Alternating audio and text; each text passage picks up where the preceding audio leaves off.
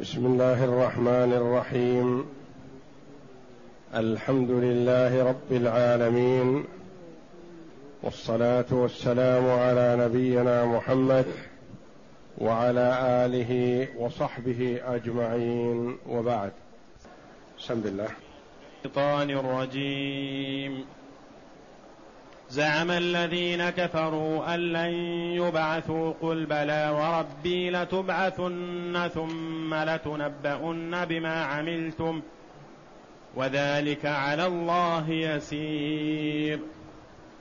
فآمنوا بالله ورسوله والنور الذي أنزلنا والله بما تعملون خبير. يوم يجمعكم ليوم الجمع ذلك يوم التغابن.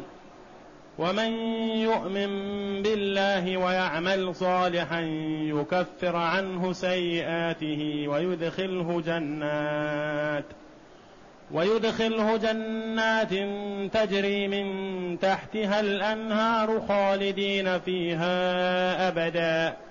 ذلك الفوز العظيم. والذين كفروا وكذبوا بآياتنا أولئك أصحاب النار خالدين فيها خالدين فيها وبئس المصير. هذه الآيات الكريمة من سورة التغابن جاءت بعد قوله جل وعلا ألم يأتكم نبأ الذين كفروا من قبل فذاقوا وبال أمرهم ولهم عذاب أليم. ذلك بأنه كانت تأتيهم رسلهم بالبينات فقالوا فقالوا أبشر يهدوننا؟ فكفروا وتولوا واستغنى الله. والله غني حميد. زعم الذين كفروا أن لن يبعثوا قل بلى وربي لتبعثن ثم لتنبؤن بما عملتم وذلك على الله يسير. زعم الذين كفروا الزعم هو القول بالظن وادعاء العلم بلا علم. وعن عبد الله بن مسعود رضي الله عنه قيل له ما سمعت النبي صلى الله عليه وسلم يقول في زعم؟ قال سمعته يقول بئس مطية الرجل. وقال بعض العلماء عنوان الكذب زعموا.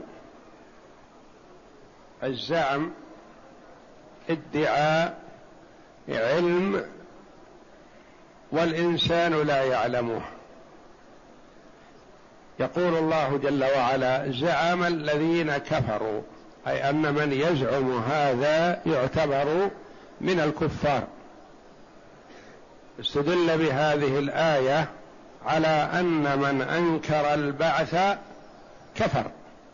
لقوله تعالى زعم الذين كفروا أن لن يبعثوا. قل بلى وربي. وذلك أن المشركين وكثير من الكفار وعباد الأوثان ينكرون البعث ويرون أنه لا بعث بعد الموت. وأنه يصعب إحياء الأجساد بعد فتاتها وذهابها وتحللها. وهذا يصعب على الخلق يصعب على الإنسان.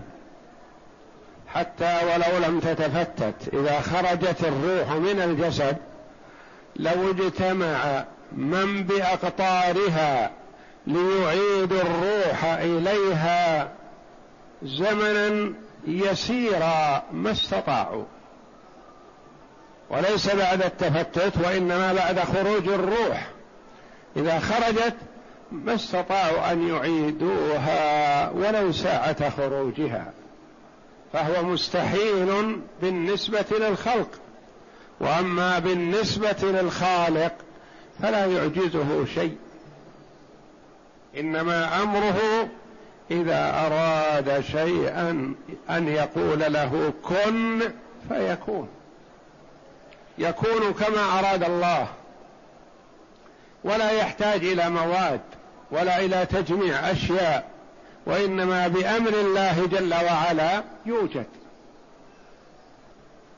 زعم الذين كفروا أن لن يبعثوا.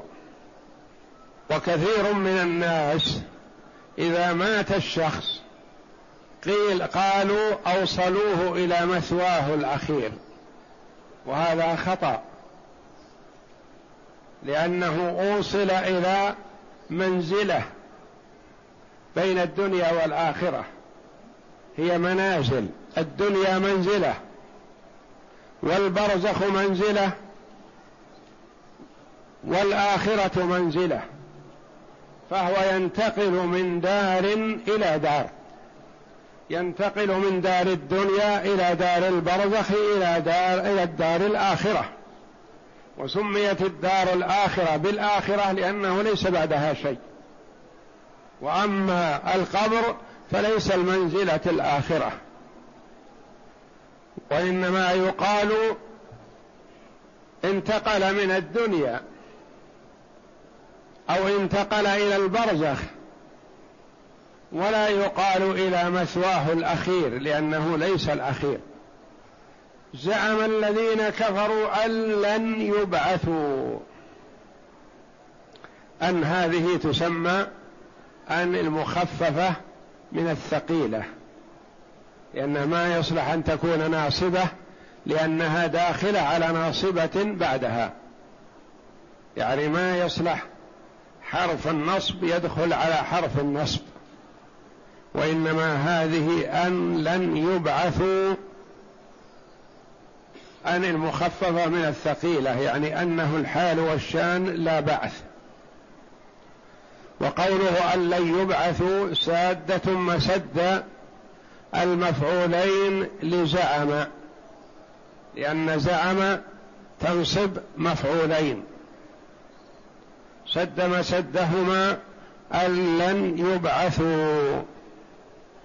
قل يا محمد بلى وربي لتبعثن. بلى وربي لتبعثن. بلى هذه يؤتى بها بعد النفي لإبطال النفي. لأنه لا يؤتى بعد النفي بنعم لإبطاله وإنما إذا اتي بنعم بعد النفي معناه إقرار النفي. فيؤتى لإقرار النفي بنعم ويؤتى لإبطال النفي ببلى تقول مثلا ما جاء زيد؟ يقول لك القائل قائل مثلا بلى أو يقول نعم. ما الفرق بينهما؟ إذا قال لك بلى يعني معناه أنه قد جاء أبطل النفي وأثبت خلافه الذي هو الإثبات. تقول بلى يعني قد جاء. وإذا قلت ما جاء زيد فقال لك آخر نعم يعني معناه إقرار النفي يعني ما جاء زيد إلى الآن. فالإجابة على النفي بنعم إقرار له والإجابة على النفي ببلى إبطال للنفي. تقول ما جاء زيد يقول لك بلى يعني بلى قد جاء بلى والله جل وعلا يقول زعم الذين كفروا أن لن يبعثوا. زعموا أن لن يبعثوا. قل بلى وربي. هل هو إثبات للنفي أم إبطال له؟ إبطال للنفي. لا ليس الأمر كما تقولون بل ستبعثون. قل بلى وربي لتبعثن. والواو حرف قسم. وربي مقسم به. وجواب القسم لتبعثن. متصل بنون التوكيد الثقيلة. والبعث هو الإخراج من القبور بعد الموت. ثم بعد البعث. ثم لتنبؤن بما عملتم. يعني لتخبرن بكل ما عملتموه في الدنيا. المؤمن ما عمله من خير يجد ثوابه وما عمله من سوء إذا أراد الله جل وعلا العفو عنه قرره به ثم عفى عنه ويستر عليه جل وعلا. وأما الكافر فيفضح بأعماله السيئة القبيحة ثم يؤمر به إلى النار. قل بلى وربي لتبعثن ثم لتنبؤن بما عملتم وذلك على الله يسير. لتنبؤن لتخبرن بما عملتم وذلك على الله يسير يعني سهل يعني ليس فيه صعوبة لأن الصعوبة على ابن آدم فيما يشق عليه. وأما الله جل وعلا فلا يعجزه شيء. وهذه الآية الكريمة هي ثالث ثلاث آيات أمر الله محمدا صلى الله عليه وسلم بأن يقسم عليها لثبوت البعث ووجوده. اولاها قوله تعالى ويستنبئونك أحق هو قل إي وربي إنه لحق وما أنتم بمعجزين. والثانية قوله جل وعلا وقال الذين كفروا لا تأتينا الساعة قل بلى وربي لتأتينكم عالم الغيب والشهادة. قل بلى وربي لتأتينكم. والثالثة هذه قوله تعالى زعم الذين كفروا أن لن يبعثوا. قل بلى وربي لتبعثن ثم لتنبؤن بما عملتم. وذلك على الله يسير. وذلك الإشارة في قوله وذلك أي البعث والإخبار. البعث والإخبار بما عملتم يسير سهل على الله تبارك وتعالى. اقرأ. يقول تعالى مخبرا عن الكفار والمشركين والملحدين إنهم يزعمون أنهم لا يبعثون. قل بلى وربي لتبعثن ثم لتنبؤن بما عملتم. أي لتخبرن بجميع أعمالكم جليلها وحقيرها. وصغيرها وكبيرها وذلك على الله يسير. أي بعثكم ومجازاتكم. وهذه هي الآية الثالثة التي أمر الله رسوله صلى الله عليه وسلم أن يقسم بربه عز وجل على وقوع المعاد ووجوده. فالأولى في سورة يونس ويسألونك أحق هو قل إي وربي. ويستنبئونك أحق هو قل اي إي وربي إنه لحق وما أنتم بمعجزين. والثانية في سورة سبأ وقال الذين كفروا لا تأتين الساعة قل بلى وربي لتأتينكم. الآية والثالثة هي هذه زعم الذين كفروا أن لن يبعثوا قل بلى وربي لتبعثن ثم لتنبؤن بما عملتم وذلك على الله يسير. فآمنوا بالله ورسوله والنور الذي أنزلنا. فآمنوا. هذه الفاء يسميها العلماء الفاء الفصيحة. يعني أفصحت عن شرط مقدر. كأن المراد إذا كان الأمر كذلك يعني لا بد من البعث فآمنوا بالله ورسوله. فآمنوا بالله ورسوله والنور الذي أنزلنا. ما قال واليوم الآخر كما هو في كثير من الآيات. يقرن جل وعلا الإيمان بالله يقرن معه الإيمان باليوم الآخر. وإنما قال فآمنوا بالله ورسوله والنور والنور الذي أنزلنا والمراد بالنور هنا القرآن لأنه نور في نفسه ومنور لغيره مبصر لغيره. من معه القرآن يمشي على هدى وعلى بينة من أمره يعرف الحلال فيأتي به. ويعرف الحرام فيجتنبه. يعرف ما له مما عليه. يعرف به حق الله وحق الوالدين وحق الأسرة والأقارب وحق الجيران وحق الإخوة من المسلمين وحق الكفار. يعرف به جميع الحقوق. هو نور في ذاته ومنور لغيره. ومما تضمنه هذا النور الإيمان باليوم الآخر. الإيمان بيوم القيامة وما فيه.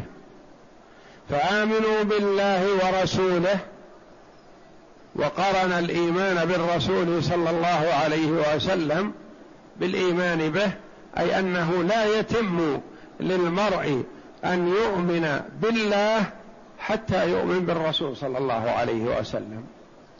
ولا يصح إيمانه بالرسول حتى يؤمن بالله.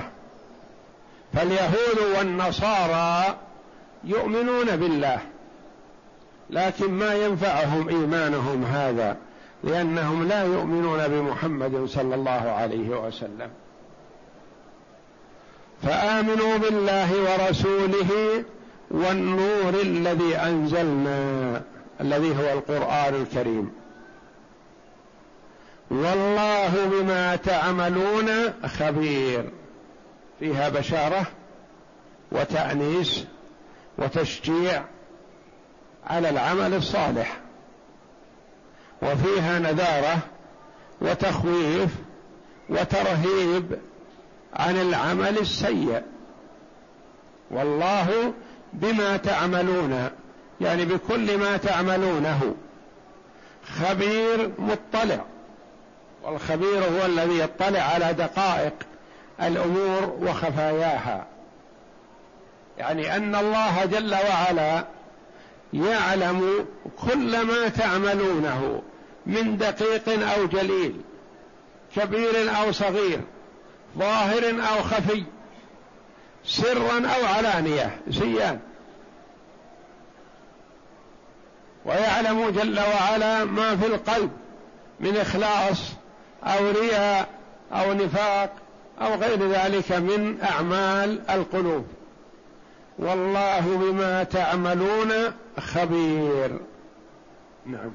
وفيها تخويف للكفار. لأن انتبه.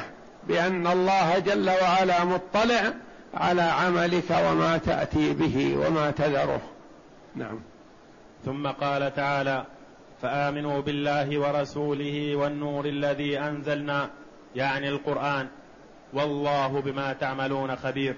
أي فلا تخفى عليه من أعمالكم خافية.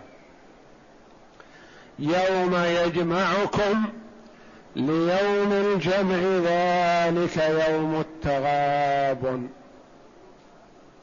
يوم يجمعكم يوم ظرف والعامل فيه قيل خبير. والله بما تعملون خبير يوم يجمعكم. وقيل العامل فيه اذكر وقيل غير ذلك. يوم يجمعكم ليوم الجمع. يجمعكم يجمع الله جل وعلا الخلائق. من أولهم إلى آخرهم. يجمع أهل السماوات وأهل الأرض. يجمع الجن والإنس. يجمع الرسل وأممهم يجمع الظالم مع المظلوم. يجمع الطالب للحق مع المطلوب منه. فذلك يوم عظيم. يجمع الله فيه الخلائق كلهم. حتى البهائم والحيوانات والطيور وكل ذي روح يبعث ذلك اليوم. ثم يقتص جل وعلا لبعض الحيوانات من بعض ثم يقول الله جل وعلا لها بعد ذلك كوني ترابا لأن الحيوانات ليس لها جنة ولا نار. فعند ذلك يقول الكافر يا ليتني كنت ترابا كما ذكر الله جل وعلا في سورة النبأ. عما يوم يجمعكم ليوم الجمع المراد بيوم الجمع هو يوم القيامة وسمي يوم الجمع لأن الله جل وعلا يجمع فيه الخلائق. ما يجتمعون في مثل غير هذا اليوم اجتماعا كامل ذلك يوم التغابن يحصل فيه الغبن العظيم. الغابن والمغبون. الأصل أن الغابن هو الذي يأخذ أكثر من حقه والمغبون الذي يبخس رأس المال. وهذا في الدنيا والتغابن في الآخرة شيء عظيم. ليس بهذه الأمور وإنما هو الغبن بالجنة والمغبون في النار.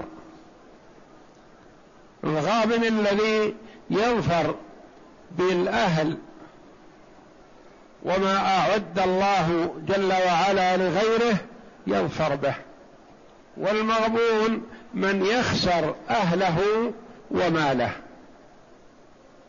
يظهر فيه الغبن الفاحش والظاهر والبين إذا أمر الله جل وعلا بهؤلاء للجنة وهؤلاء إلى النار فأهل الجنة ورثوا ما أعد لأهل النار لو آمنوا ما أعد لهم في الجنة. وأهل النار يرثون ما أعده الله في النار لأهل الجنة لو لم يؤمنوا. لأنه كما ورد في الحديث أن لكل واحد منزلة في الجنة ومنزلة في النار. فإذا كان من أهل الجنة ودخل منزله في الجنة يفتح له بابا إلى النار ويرى منزله في النار لو لم يؤمن. فحينئذ يزداد سرورا وفرحا. وأهل النار إذا نزلوا منازلهم في النار يفتح لهم بابا إلى الجنة ويرون منازلهم لو آمنوا. فعند ذلك يزدادون بؤسا وشقاء وتاسفا وحسرة. كيف لم كيف لو آمنا كنا في تلك المنازل العالية؟ هذا هو الغبن العظيم. حينما يأخذ المرء منزلة غيره من الجنة. المؤمن يأخذ منزلته ومنزلة غيره من الكفار لما خلت منهم ورثها وأخذها المؤمنون. والكافر يأخذ منزلته في النار ومنزلة غيره ممن آمن بالله وسلم من النار فصار من أهل الجنة. ذلك يوم التغابن الذي يحصل فيه الغبن العظيم. ومن يؤمن بالله ويعمل صالحا. هذا دليل على أن العمل الصالح لا بد منه مع الإيمان. خلافا لما يقوله بعض الفرق الضالة أنه إذا وجد الإيمان كفى ولو لم يعمل خيرا. الإيمان يكفي. لو كان يكفي الإيمان الذي هو التصديق والاعتراف لكفى إبليس. إبليس معترف بوجود الله جل وعلا وسأل ربه رب أنظرني إلى يوم يبعثون. وقال بعزتك أقسم بعزة الله جل وعلا اعترافا بعزة الله لاغوينهم أجمعين. فلا بد من العمل الصالح. وبعض الجهلة يقول قلبي نظيف قلبي طيب ما أضمر حسد ولا حقد ولا كراهية لأحد ما يحتاج إني أعمل. نقول لو كنت صادق في زعمك أن قلبك طيب ونظيف لاطعت الله ولا عملت. لكن قلبك قذر قلبك خبيث لأنك ما أطعت الله جل وعلا فقلبك نجس. فيطهر القلب بطاعة الله جل وعلا. وإذا لم يعمل بالطاعة وعمل بالمعصية فقلبه قذر. وسخ. غطاه السواد والظلمة والجهل والغي والعياذ بالله. كما قال الله جل وعلا كلا بل ران على قلوبهم ما كانوا يكسبون. ومن يؤمن بالله ويعمل صالحا لابد من العمل الصالح. يكفر عنه سيئاته. دل على أن المؤمن والذي يعمل الصالحات قد يقع في السيئات ووقوعه في السيئات لا يخرجه من الإيمان خلافا للخوارج ومن نحى نحوهم الذين يكفرون المسلم بالذنب. الخوارج يكفرون المسلم بأي ذنب اقترفه والمعتزلة يكفرون المسلم بالكبيرة بالكبائر كبائر الذنوب.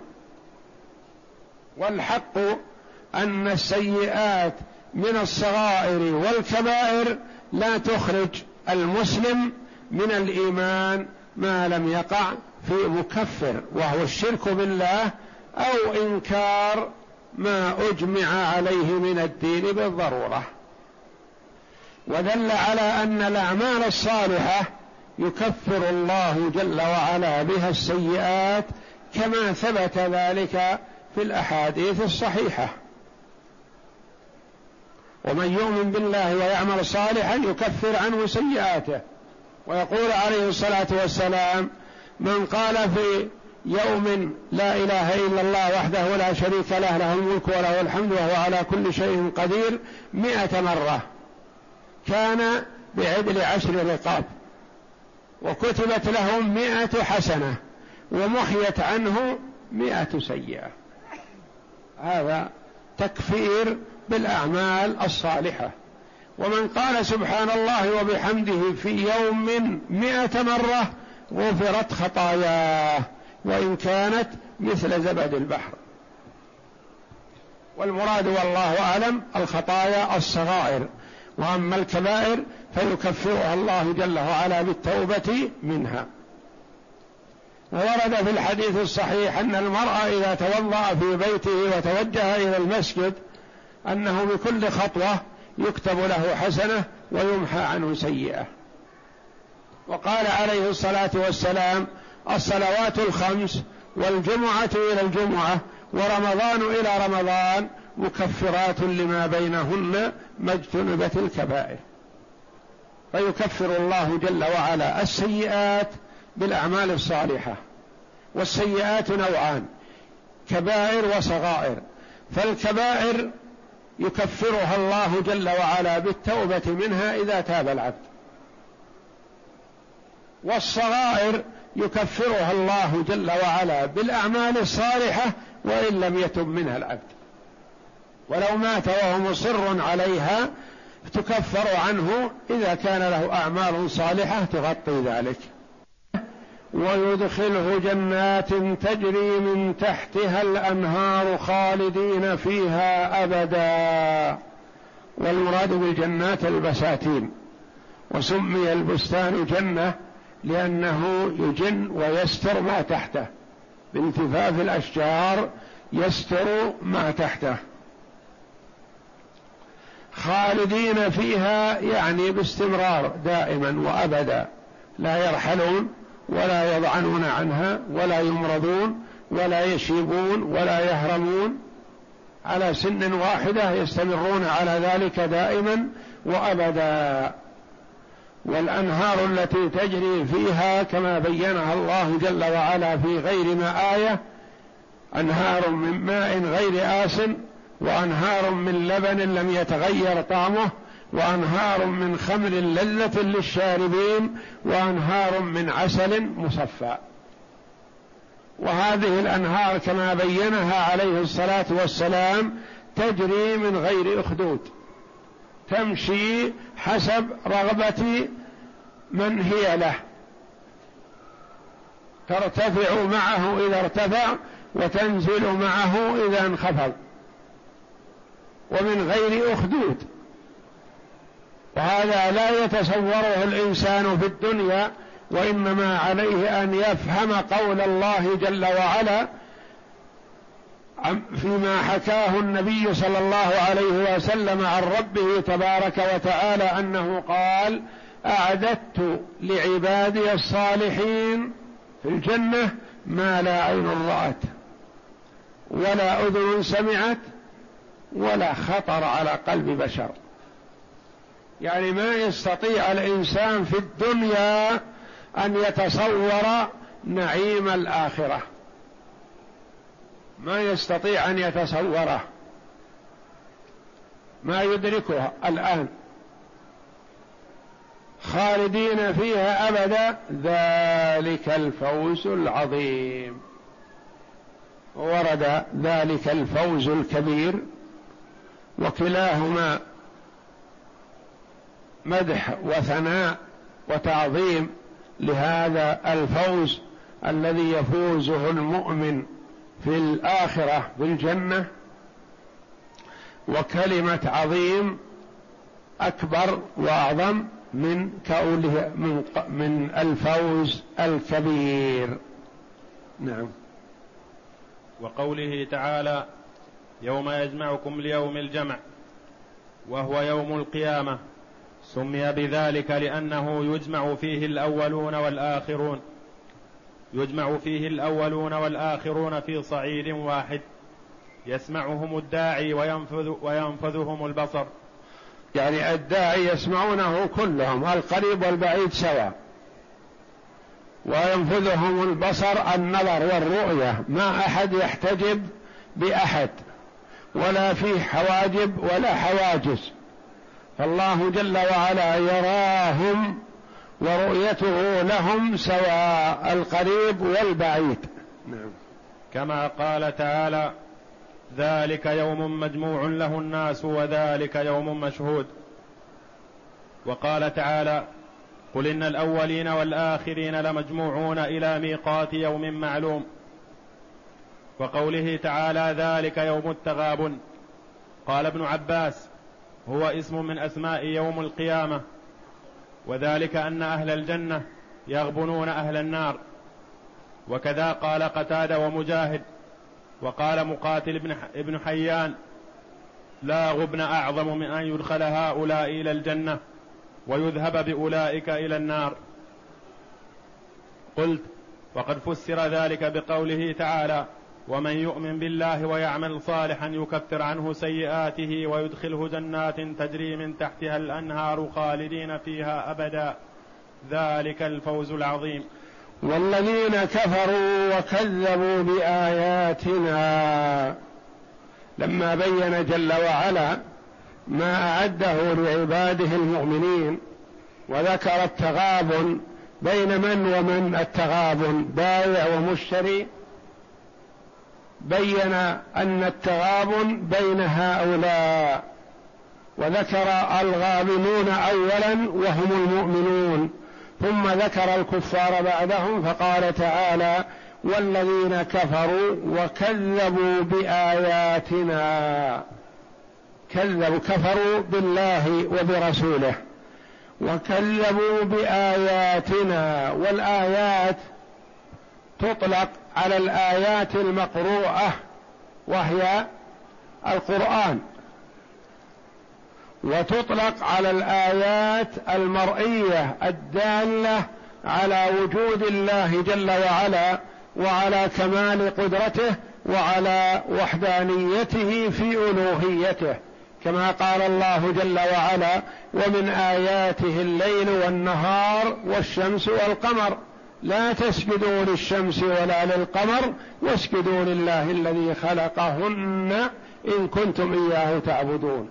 فالليل والنهار والشمس والقمر وهذه المخلوقات العظام آيات من آيات الله تدل على وجوده وعلى كمال قدرته سبحانه وتعالى. وكذلك القرآن آيات الله. وكذبوا بآياتنا المقروءة أو كذبوا بآياتنا المرئية أو يشمل الجميع وهذا أقرب والله أعلم. والذين كفروا وكذبوا بآياتنا أولئك أصحاب النار هؤلاء هم أهل النار جزاء وفاقا مثل ما كذبوا ولم يؤمنوا بالله عاقبهم الله جل وعلا بما يستحقون. أولئك أصحاب النار خالدين فيها يعني مقيمين فيها دائما وابدا وبئس المصير هي أي النار. بئس المرجع والمآب والمستقر وبئس المصير. والله جل وعلا يذكر في هذه الآيات ما أعده لعباده المؤمنين ليكون حافزا لهم على العمل الصالح والجد والاجتهاد. ويذكر ما أعده لأعدائه ممن كفر به ليكون في ذلك نذارة لهم وإخبار بمآلهم.